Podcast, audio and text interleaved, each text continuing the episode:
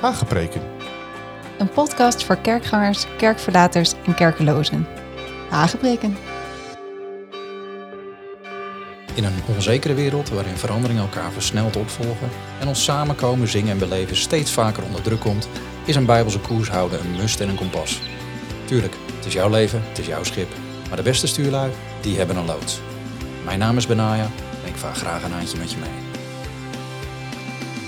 Hi, fijn dat je weer luistert naar Hagepreken. We zitten midden in een serie over het verstaan van Gods stem en uh, we zijn al heel wat afleveringen verder. Vorige keer hebben we een onderwerp bij het gepakt wat uh, ja, voor veel mensen misschien onbekend is. En dat is uh, Gods stem door dromen. Nou, we hebben veel behandeld vorige keer. Er is ook nog wel veel te behandelen. Dromen is vrij complex om, om daar het een en ander over te zeggen. Omdat ja, dromen is natuurlijk iets wat we allemaal hebben. En niet per se komt elke droom van God. En vorige aflevering lazen we al uit Prediker 5 vers 2 dat een droom komt door veel bezigheid. En wie herkent dat niet? In die zin zijn dromen normaal en niet bovennatuurlijk. Dromen zijn gewoon een onderdeel van je functioneren als mens. Het is een, uh, een stukje verwerking van de dingen die je nou, overdag bezighouden. En sterker nog, een mens die niet droomt, die gaat op een gegeven moment gewoon dat ook psychisch merken. Je hebt het nodig om te dromen voor je mentale en emotionele gezondheid. En daar is genoeg wetenschappelijk onderzoek naar gedaan. Dit soort onderzoek laat ook zien dat er een herkenbaar slaappatroon is wat iedereen doormaakt. En mocht je daar niet bekend mee zijn, het is in feite een patroon wat onder te verdelen is in vier fases, waarbij je de eerste minuten overgaat naar een slaapmodus en nog redelijk makkelijk wakker wordt gemaakt. En noem dat wegdoezelen. En daarna vertraagt je hartritme en daalt je lichaamstemperatuur. En ga je binnen zo'n 10 à 25 minuten richting diepe slaap. En in die diepe slaap ben je moeilijker wakker eh, te maken. Als je wakker wordt ben je vaak ook een beetje gedesoriënteerd, een beetje, misschien zelfs een beetje zagrijnig. En uh, in die toestand herstelt je lichaam zich qua energie, qua ja, wat, wat je nodig hebt voor je lichaam. En dan ongeveer na een uurtje of iets meer, dan kom je in wat men noemt de REM-fase. Nou, REM is een afkorting voor Revolving Eye Movement. En dat is eigenlijk uh, zo genoemd omdat je ogen dan bewegen als je ze zou oplichten in je oogleden. Omdat je van alles ziet, omdat je dan droomt. Nou, zo'n hele slaapcyclus duurt ongeveer zo'n anderhalf uur pakweg. En herhaalt zich, ik denk zo'n vier, vijf, zes keer per nacht. En dat is normaal. Hè? En dat is dus inclusief dromen. Maar juist in deze serie willen we kijken naar ook dromen en visioenen die worden gegeven door de geest van God. En dat is waar Handelingen 2 over spreekt.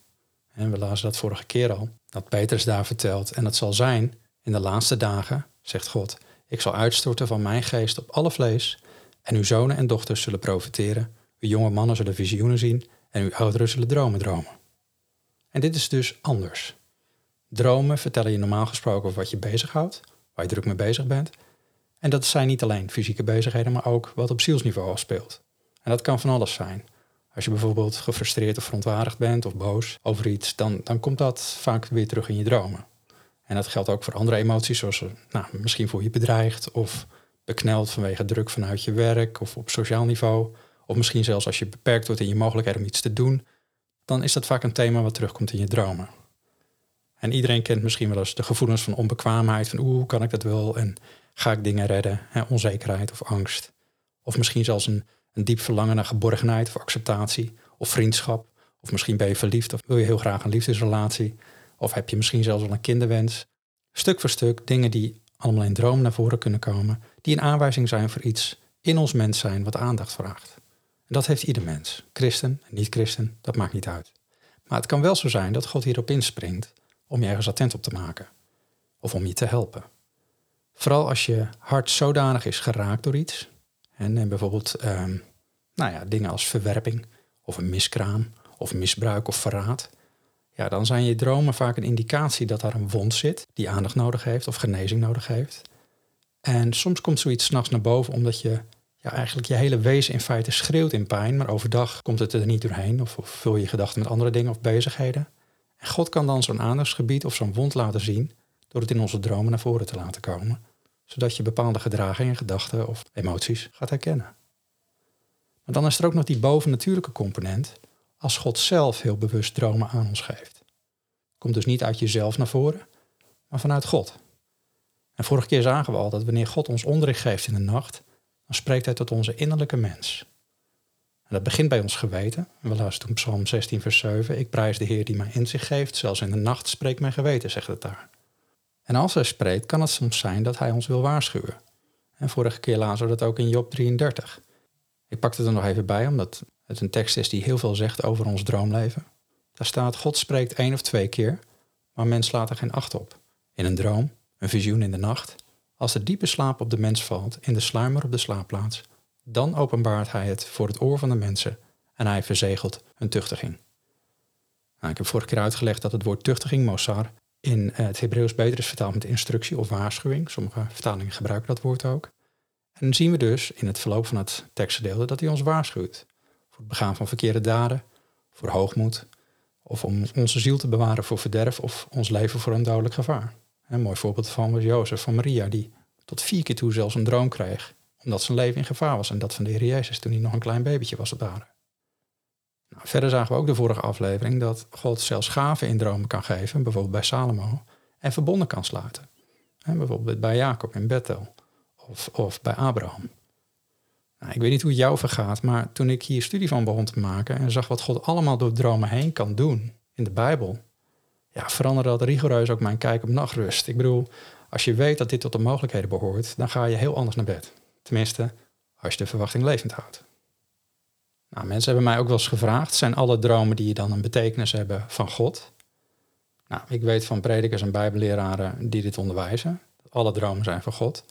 Want redeneren ze dan als, als je God toebehoort, dan is je hart gereinigd en je bent eigendom van God. En Satan heeft dan geen ingang meer in je dromen. Nou, zelf denk ik dat het iets te simplistisch gesteld is. Ik denk ook dat het een betere exegese vraagt dan dit. Het is namelijk ook niet zo dat Satan geen invloed meer heeft op je gedachten of gevoelsleven. we worden niet voor niks opgeroepen om elke gedachte en elke redenering krijgsgevangen te maken en onder de gehoorzaamheid van Christus te plaatsen, in Korinthe 10. En ook een hele reeks aan vleeselijke emoties, gedachten, dienen we over te heersen. Gelaten noemt dat de werken van het vlees. En dat soort gedachten en dat soort gevoelens, die worden maar al te graag gevoed door de tegenstander. Alleen al door alles wat, wat je om je heen ziet en wat je om je heen hoort. Het lijkt me daarom stug dat gedachten en gevoelens die tot uitdrukking komen in dromen, dat die ineens immuun zouden zijn voor de invloeden van ons vlees of van Satan. Zelf heb ik ook als die ervaring gehad. En dat overtuigde mij van het tegendeel. Ik uh, was destijds in het Midden-Oosten werkzaam en het viel mij op dat telkens als ik iemand tot de Heer Jezus mocht leiden, ik meteen reactie kreeg vanuit de geestelijke wereld. Het kon allerlei vormen aannemen. Zo heb ik meegemaakt dat ik, nadat ik een moslimvriend tot de Heer had geleid, acuut verschrikkelijke hoofdpijn kreeg of andere pijnen. Ik heb wel eens een BDE gehad, een bijna doodervaring, dat ik buiten mijn lichaam stond. Ook toen ik wakker werd. En dat was ook net nadat ik iemand tot de Heer mocht leiden en achterliet bij een missionaris in Libanon. Maar sowieso merkte ik het altijd in dromen in de dagen erna. En ik weet nog één keer dat ik vlak nadat ik iemand tot de Heer had geleid, ik diezelfde nacht droomde dat alles om mij heen doodging. Echt alles. Iedereen die mij lief en dierbaar was, kwam op een gruwelijke wijze om het leven. Het was één grote, bloederige, horrorachtige aaneenschakeling van dromen. En ik weet nog dat ik bezweet wakker werd. En amper wakker hoorde ik een stem echt vlak bij mijn oor die op intimiderende wijze zei: Jij gaat dood. Nou, ik kan je eerlijk zeggen, niet alleen de haren op je hoofd staan dan recht overeind en zo heb ik het niet meer. Maar je hele systeem dendert van de adrenaline op zo'n moment. Ik bedoel, je ontwaakt net uit een nachtelijke horrorfilm en dan hoor je in één keer een stem terwijl er niemand in de kamer is. Nou, als iemand mij op dat moment had verteld dat dromen altijd van God komen, dan had ik hem van harte uitgenodigd om hier eens een fatsoenlijke uitleg aan te geven. Want de gevoelens die je daarbij kreeg en de intimidatie en de angst die om, om het hart slaat, kwam zeker niet van God. Wel weet ik dat ik acuut Psalm 118 door het hoofd geflitst kreeg. En ik schreeuwde uit: Nee, ik zal niet sterven. Ik zal leven en de grote daden van God verkondigen. Nou, kennelijk was de Heer God het hier ook niet mee eens, want het gevolg van dat statement was een onmiddellijke, nadrukkelijke vrede in mijn hart en gedachten die zelfs ook bleef hangen in de kamer, zo kan niet anders beschrijven, voor de rest van de dag. Eh, gewoon een hele vredige atmosfeer. En deze droom was, zo ik het ervoer, gewoon een reactie van de tegenpartij, die altijd zal proberen om ons te stoppen door angst of intimidatie. Dat is een van zijn voornaamste wapens. Daarom is het ook zo belangrijk dat we veel tijd in het woord van God doorbrengen. Want wat je tot je neemt, kan de Heilige Geest ook gebruiken als wapen op het moment dat je het nodig hebt. de Bijbel zegt niet voor niks dat het woord een zwaard is, Efeze 6, de wapenrusting. En als je nooit aan zwaartraining doet, of amper weet hoe je dit zwaard moet hanteren, ja, dan heb je er weinig aan als er een aanval op je wordt ingezet. En daarom hebben we het nodig dat we tijd spenderen in het woord. Dat het woord deel van ons wordt. Dat de Heilige Geest ook iets heeft om beter te pakken. Nou, voor sommigen van jullie klinkt het misschien extreem of misschien een beetje Harry Potterachtig, maar dat is wel de realiteit waarin we leven. En neem niet aan, omdat je nooit dit soort dingen hebt meegemaakt, dat het onmogelijk is dat deze oorlog ook dichterbij komt, deze geestelijke oorlog, en dichterbij als je lief is op een dag. De Bijbel is heel duidelijk hierover. Het zegt, we, zijn, we hebben niet te worstelen tegen bloed en vlees, maar tegen overheden, tegen machten, tegen wereldbeheersers van deze duisternis, tegen boze geesten en hemelse gewesten. Dat klinkt spectaculair, is het eigenlijk ook, maar het is ook heel waar en heel intens. En hoe dichter we bij de terugkomst van de Heer Jezus komen, hoe intenser en hoe duidelijker en waarschijnlijk ook wel hoe agressiever deze strijd wordt. Want Satan weet, hij heeft weinig tijd. Goed, dat is misschien voor een andere serie afleveringen. Je moet er zelf maar aangeven of je die behoefte aan hebt. Maar dan kunnen we dat misschien een volgende serie oppakken. Voor nu nog even verder met het verstaan van Gods stem. Daar waren we mee bezig. Wel even die kleine disclaimer nog. Um, God is niet schuw en ook niet preuts. Wat bedoel ik daarmee? Nou, vorige keer lazen we al dat God ons soms laat schrikken. In sommige vertalingen stond dat er. Maar dat schrikken, dat is wel met een functie. Want hij kan je dromen geven waarvan jij misschien in eerste instantie denkt dat ze niet van hem zijn, vanwege de elementen die erin voorkomen. Dingen die niet bepaald kosher of oké lijken. En dat zien we hem ook doen in de Bijbel. Zoals, nou, je ziet bijvoorbeeld Hosea, die moest een hoer trouwen. Jezaja, die moest drie jaar naakt rondlopen. En Ezekiel die moest uh, ja, op menselijke uitwerpselen een potje koken. En ook in het Nieuwe Testament zien we dat. Hè? Petrus moest ineens onreine dieren slachten en eten, terwijl het eigenlijk tegen het gebod van God ging. Allemaal dingen die buiten de acceptabele comfortzone en richtlijnen leken te vallen van alles wat God had geboden. Maar hij gebruikte die dingen wel als typebeeld. En dat zijn dromen in feite. Plaatjes, symbolen van een diepere realiteit. Typebeelden. En wat nu als je wel bijvoorbeeld enge dingen ziet in een droom? Slangen, schorpioenen, enge, enge wezens, misschien demonische verschijnselen. Nou, soms gebeurt dit omdat je je ogen te veel hebt geleend aan het kijken van verkeerde films of het lezen van bepaalde boeken. Ik ken veel christenen die ook bijvoorbeeld eh, Harry Potter verslonden hebben. Ja, dat kan zijn dat je s'nachts bezoek krijgt in je droom, omdat je dingen hebt gelezen. Of misschien ben je bezig met occulte praktijken waarvan je niet eens weet dat ze een demonische component hebben. En dat is niet eens zo verwonderlijk, want tegenwoordig zie je steeds meer christenen die zich inlaten met wat inmiddels geaccepteerde vormen zijn van mystieke en occulte leringen en activiteiten. En denk bijvoorbeeld aan mindfulness of yoga, of het in het huis halen van occult geïnspireerde voorwerpen die je bij de Xenos kan halen. En zelfs bepaalde praktijken uit, uit parapsychologie worden tegenwoordig als christelijk mysticisme gepopulariseerd. En zo kun je nog wel even doorgaan. Maar dat neemt niet weg dat bepaalde intense beelden in dromen ook waarschuwingen van God kunnen zijn. Ik bedoel, laten we wel wezen, Ezekiel zag een vrij luguber beeld. Een dal vol met doodsbeenderen en doodshoofden, waar hij tegen moest spreken. En die stonden toen in één keer op. Een soort Pirates of the Caribbean, zou ik maar zeggen. dat is wel freaky. En het boek Openbaringen, feitelijk een ja, opgetekend visioen, spreekt over dieren met allerlei ogen rondom en een draak en een beest met zeven koppen enzovoort. Bizarre beelden, maar wel met een betekenis. De vraag is dan natuurlijk, hoe weet je nou wat het allemaal betekent? Nou, daar willen we nog even naar gaan kijken in deze aflevering. In vorige aflevering zei ik al dat het begint met een keuze. Dat je eerst zegt tegen de Heere God van Heer, spreek tot mij in dromen. Als je nooit verwacht dat hij dat gaat doen, of nooit rekening mee houdt dat dat kan gebeuren, dan ben je er ook niet alert op. Dus vraag hem gewoon, voordat je gaat slapen. En ik zeg dat met regelmaat. Heer, als u mij overdag niet te pakken krijgt, om wat voor reden dan ook, spreek dan alsjeblieft s'nachts. En een tweede tip die ik gaf vorige keer was, leg een, leg een notitieboekje neer en een pen naast je bed. Niet op een iPhone of niet op een smartphone, dan word je vaak weer te veel wakker met blauw licht. Maar schrijf dromen op zodra je wakker wordt. En zorg dan ook dat je rustig wakker wordt. Dat je niet in één keer vergeet dat de alarmklok in één keer eh, eh, eh, gaat. Maar zorg gewoon dat je rustig wakker kan worden. En schrijf dan alle details op van de droom, hoe onbelangrijk ze ook lijken. En probeer niet van tevoren vast te stellen wat de waarde is van de droom. Of die waarde heeft, of dat het onzin is. Niet voordat je begrijpt wat er aan de hand is. Schrijf gewoon alle symbolen en details op. En ben je slaperig of word je midden in de nacht wakker? Nou, schrijf dan wat kernwoorden op. En desnoods met het licht uit, zodat je op een later tijdstip de droom weer kan achterhalen. En als je dan gaat kijken naar de betekenis van een droom, dan is het belangrijk dat je onthoudt dat dromen plaatjes zijn. Het zijn symbolen. In de 21ste eeuw zijn we bekend met iconen. Iconen betekenen, we weten allemaal, iconen betekenen iets. Er zit een hele wereld achter, er zit een app achter. En dat is in feite ook zo met dromen. Een logische volgende stap zou dan zijn om te proberen vast te stellen waarmee je verschillende symbolen associeert. Ik noem een voorbeeld. Je droomt bijvoorbeeld over een huis. Dan kun je afvragen, oké, dit is een huis. Waar doet het je aan denken? Je aan denken aan een huis waarin je bent opgegroeid? Nou, misschien betekent dat dan dat de droom terugwijst naar een ervaring die daar begon. Of is het een huis waar je naartoe ging toen je op jezelf ging wonen? Dan kan dat bijvoorbeeld betekenen of verband houden met een deel van je leven wat jij jezelf toe-eigent. Of waar jij probeert zelfstandig in te worden. Ik noem maar wat voorbeelden. Ik wil niet zeggen dat het zo is. 9 van de 10 keer als ik met mensen hierover praat of hierin begeleid, dan komt er altijd wel iemand met een symbolenlijstje aan. Nou, zijn dit soort lijstjes soms behulpzaam, maar meestal niet. Want waar een symbool voor de een voor staat, kan het voor de ander iets heel anders betekenen. En dat werd me heel duidelijk toen ik een keer in Amerika was bij vrienden van mij in Texas.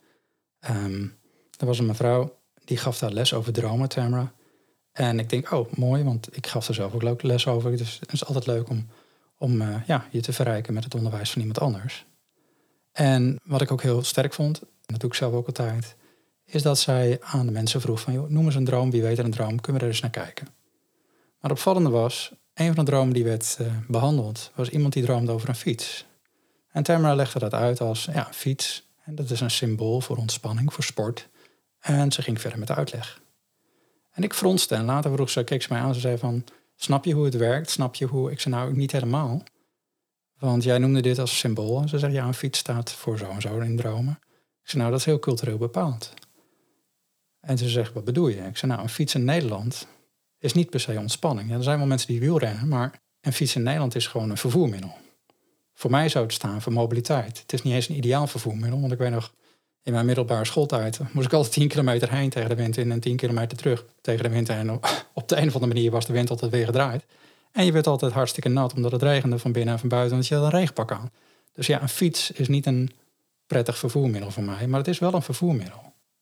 Nou, daar had ze nog niet eerder over nagedacht. Nou, om maar een voorbeeld bij te noemen. Ik heb een keer een droom gehad van een fiets. En toen studeerde ik nog. En ik parkeerde mijn fiets in die droom gewoon te getrouwd tegen de lantaarnpaal voor mijn huis en deed hem op slot. En tot mijn stomme verbazing kwam een studiegenoot van mij, knipte het slot door en nam de fiets mee en zette hem aan de overkant neer. Ik zei, hé hey joh, wat doe je nou? Dus ik pakte die fiets weer en ik zette hem tegen de lantaarnpaal. Vervolgens pakte hij weer de fiets van me af en zette hem weer aan de overkant. Dus toen pakte ik mijn fiets, tilde hem op mijn nek en rende de straat uit en ik werd wakker. Nou, dat was typisch een droom waar de fiets stond voor een stukje mobiliteit. Toen ik hierover aan het bidden was, ik denk, een hele duidelijke droom, hele duidelijke symbolen. En een persoon die ik herkende, en daar gaan we zo meteen nog iets meer over zeggen, maar de persoon was iemand die ik heel interessant vond, veel, veel tijd mee doorbracht. En in gebed maakte God mij duidelijk, joh, deze persoon neemt heel veel van je tijd en heel veel van je aandacht. En je vindt het heel interessant, dat is soms ook wel eens lastig om het gesprek af te kappen. Maar als je hiermee doorgaat, dan belemmert dat jouw mobiliteit. Niet alleen qua studie, maar ook je tijd met mij en de verdieping die ik wil aanbrengen in je leven. En de andere dingen die ik van je vraag. Het was dus een waarschuwing. Nou, waarom noem ik dat nou? Kort gezegd, jouw geest, jouw ziel, jouw denken staat jou ten dienste. Dus jouw hele systeem kan jou iets proberen te vertellen. Of God kan jou iets proberen te vertellen.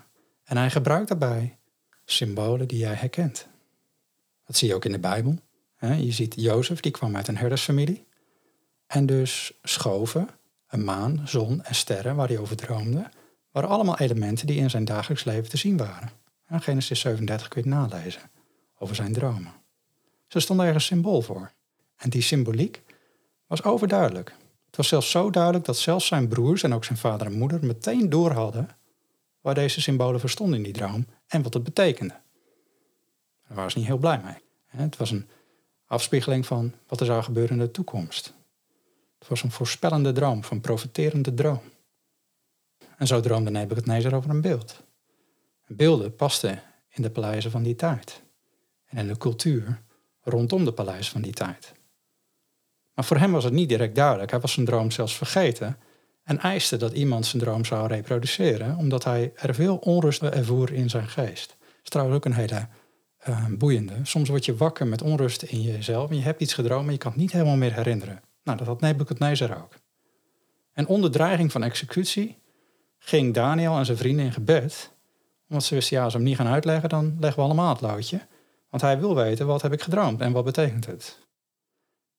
Daniel kreeg de droom van God en de uitleg. En de uitleg van de symboliek in die droom. En die uitleg die klikte bij de koning, want hij begreep de symboliek. Oftewel, de symbolen uit de droom zullen altijd aansluiten bij jouw eigen impressie van wat klopt. Want jij krijgt de droom en als God jou een droom geeft, dan wil hij dat jij het snapt, dat jij het pakt. Heb je dan helemaal niets aan lijstjes met symbolen? Eerlijk antwoord, je hebt het niet nodig. En voor sommigen strijkt dat tegen de haren in. Vooral mensen die ja, een affiniteit hebben met psychologie. Maar bedenk dit, ten eerste spreekt God al eeuwenlang tot de mens door dromen. En veel van de droomsymbolenlijstjes die vandaag de dag gehanteerd worden, circuleren op het internet, die zijn voor 99% ontstaan vanuit de moderne psychologie. En daarom amper 100 jaar oud. Er komt ook nog bij dat de sleutel voor de droom die God geeft, gezocht moet worden bij God. En komt door gebed. En soms door vasten, zoals je ziet bij Daniel. Niet bij een wetenschap die ontstaan is uit het verlangen om kennis en begrip te verwerven van het innerlijke leven en het gedrag van de mens los van een godsbeeld. Want dat is psychologie. Het is een wetenschap die geen rekening houdt met de invloed van de Heilige Geest op het denken, op de emoties en de redenering en gedrag van een mens, waardoor een mens zich soms atyperend kan ontwikkelen. Buiten de box van wat gangbaar is of van wat te observeren is. Ik wil niet zeggen dat psychologie daarmee helemaal waardeloos is, zeker niet. Maar het is wel de vraag, wat laat je leidend zijn voor de uitleg van je dromen? De lijstjes die gangbaar zijn, of wat God je wil zeggen, en ga in gebed. En dan heb ik het nog niet eens over de vaktechnische obsessies en de occulte aspiraties van sommige van de grondleggers van de moderne droomduiding, zoals Sigmund Freud en Carl Jung. Want dan kom je eigenlijk heel fout uit. Maar dat is een zijspoortje. Dus nogmaals, de eerste hulp bij dromen is altijd gebed. Want je hebt de bovennatuurlijke leiding van de Heilige Geest nodig. En Hij zal je leiden in heel de waarheid, zegt de Bijbel in Johannes 16. Dus bid om inzicht in de symboliek die je ziet in je droom. Maar los van de symbolen, kijk ook eens naar de setting van een droom. Waar dacht je over na? Of waar was je emotioneel bij betrokken toen je droomde? Om een voorbeeld vanuit de Bijbel te pakken, Paulus dacht na over waar hij heen zou gaan op zijn eerstvolgende missionaire reis. En daarop kreeg hij een droom van een man uit Macedonië, die hem om hulp vroeg. En koning Nebukadnezar dacht op een bepaald moment na over zijn koninkrijk en dat het voor eeuwig zou zijn. En hij kreeg een droom van een boom die bij de wortel werd omgehouden. Daniel 4. Allebei hadden ze bepaalde gedachten en de droom speelde daarop in. Dus wanneer jij weet als persoon waar je in je denken of in je hart mee bezig bent toen je ging slapen, maakt dit soms de interpretatie makkelijker. Maar soms kan het ook zijn dat je helemaal nergens over nadacht, of nergens emotioneel mee bezig was, maar dan dropt God gewoon een droom om je iets duidelijk te maken of om je inzicht te geven. Zo had ik bijvoorbeeld een keer een droom van een vriendin die ik bezocht in haar huis. Ze was niet thuis, maar op het moment dat ik de kamer binnenkwam, stapte ik tot mijn enkels in het rioolwater. En om mij heen hingen allerlei waslijnen met vuile was.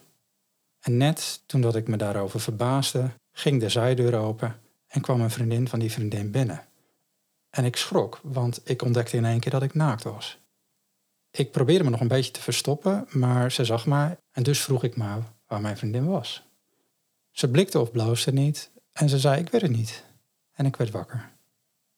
Nou, terugkomend op symbolenlijstjes. Als ik een symbolenlijstje zou pakken, dan zou ik heel makkelijk op een zijspoor zijn gekomen. Want naaktheid in veel dromenduidingslijstjes wordt onmiddellijk geassocieerd met kwetsbaarheid of iets wat je te verbergen hebt je ware gevoelens die je niet durft te uiten, of dat je misschien iemand probeert te zijn die je eigenlijk niet bent. In dit geval was het geen van die dingen. De uitleg van die droom was een beetje mysterieus. Ik dacht, dit betekent iets, maar ik weet niet wat. En ik was erover aan het bidden. En kort daarna kwam deze vriendin naar mij toe en zei, ja, ik, ik zit hier toch mee, wat moet ik doen? En ze vertelde over de relatie met haar vriendin. En het bleek dat zij een seksuele relatie aan het ontwikkelen waren. En ze hadden er ook al handen en voeten aan gegeven. Maar ze durfden daar niet mee naar buiten te komen. En in één keer werden alle symbolen van die droom duidelijk. Het feit dat de vuile was niet buitenganger was, maar binnen, en dat het vuil was. Het feit dat de basis in het huis rioolwater was, dus vies was. En God had mij op geen enkele andere manier kunnen duidelijk maken dat deze relatie een andere relatie was als gewoon twee vriendinnen. Doordat deze vriendin mij aankeek en nog blikte, nog blauwste bij het feit dat zij een man zag zonder kleren. Ik deelde haar deze droom en het bemoedigde haar. Ze wist dat ze de juiste keuze had gemaakt om hiermee naar buiten te komen. Het bemoedigde haar vooral om te weten, er zijn mensen die bidden over mijn leven en niet per se veroordelen of conclusies trekken. En soms vraagt God dat van je als je een droom krijgt over iemand anders, dat je gaat bidden. Daarmee komen we op een ander aspect van dromen. Dromen kunnen subjectief zijn of objectief. Wat bedoel ik daarmee? Objectieve dromen zijn dromen die iets zeggen over jezelf. Zelfs al komen er andere mensen in voor. We hebben dromen in de Bijbel van Abraham, van Jacob, van Jozef. Die ontmoeten God in een droom. Of krijgen een droom die voornamelijk van toepassing is op hunzelf en hun familie of hun nageslacht. Net als de bakker en de schenker in het verhaal van, van, van Jozef. Die kregen dromen die van toepassing waren op hun eigen leven. Maar je hebt ook subjectieve dromen. Dromen die werkelijk gaan over de personen waar je over droomt. En deze dromen gaan dan vaak over mensen waar je nou een band mee hebt of waar je betrokken bij bent. Zo kreeg Farao een droom van zeven koeien en zeven aren. En je kunt nalezen in Genesis 4. En dat ging over zijn volk. En de toekomst van zijn volk en wat er stond te gebeuren met de hongersnood. Je leest ook over Midianieten, een vijandig volk van Israël, die droomde over een aanval van Gideon, Richter 7. Maar ook de meeste profetische dromen uit het boek Daniel, die gingen over wereldrijken en gebeurtenissen die volkeren zouden raken. Nou, in mijn ervaring zijn de meeste van onze dromen objectief, gaan over jezelf, of zijn van toepassing op jezelf. Maar er is geen regel per se waarop we vast kunnen stellen of een droom subjectief of objectief is. Weer gaat erom, vraag de Heilige Geest. Gaat deze droom over mezelf of gaat dit over anderen? En als je ervaart dat een droom werkelijk over iemand anders gaat, geeft het vaak aan dat een bepaalde vorm van actie van jouw kant nodig is. 9 van de 10 keren is dat gewoon gebed. Een andere manier is misschien ook dat je een opstelling naar een persoon moet wijzigen. Dat je anders met een persoon moet omgaan, zoals die droom van die klasgenoot van mij. wil niet zeggen dat dat geen vriend meer zou zijn. Betekent alleen dat ik mijn tijd moest limiteren. Wel kan ik je aanbevelen, zorg ervoor dat je die ander niet vertelt dat je over hen gedroomd hebt. Want dat kan heel destructief werken voor een relatie. Want mocht je ernaast zitten, dan ben je je eigen problemen misschien op hun aan het projecteren. En dan ga je dingen zeggen over, hé, hey, ik heb over jou gedroomd en droomde zus, zus en zo. Het kan soms heel raar overkomen. En het kan soms zijn dat het helemaal niet over die persoon ging, maar dat het wel over jezelf ging. Dat soort hindernissen wil je niet van tevoren leggen. Gebed is daarin ook weer de sleutel.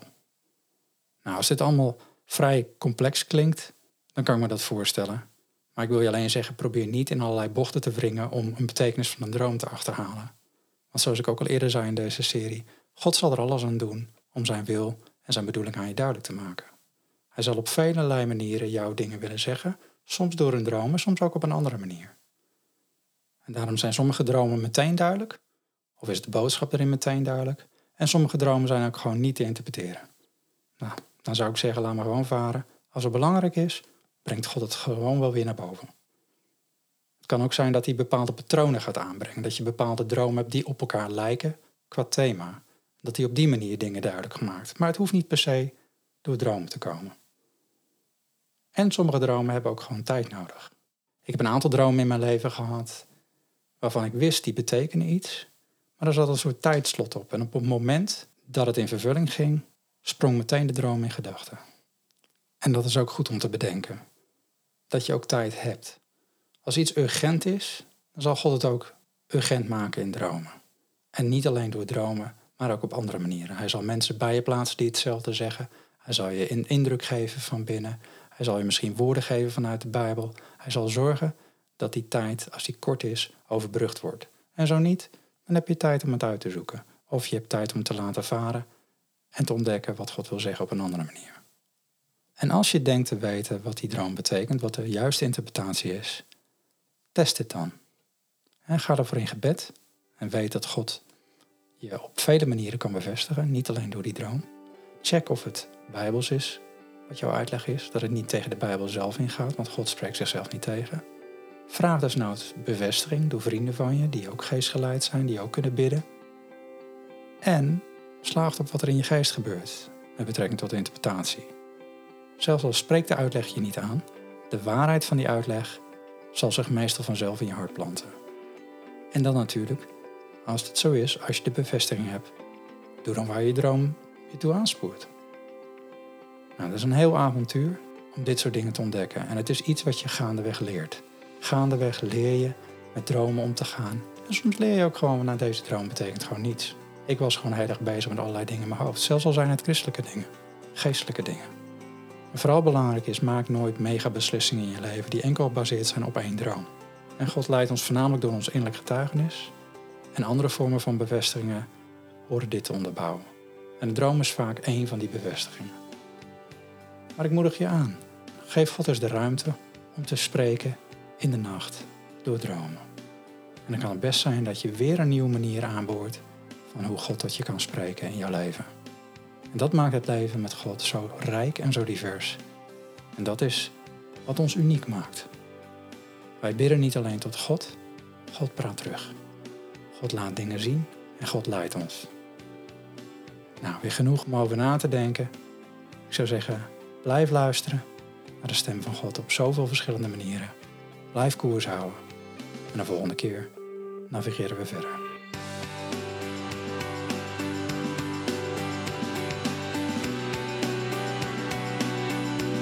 Heb je vragen? Heb je opmerkingen? Je suggesties? Surf even naar benaai.nl. Dan word je doorgeloosd naar een contactformulier op saintkijnaan.com.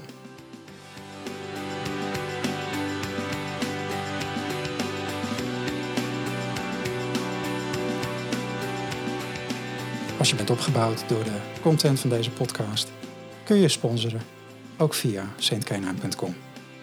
Heel hartelijk dank.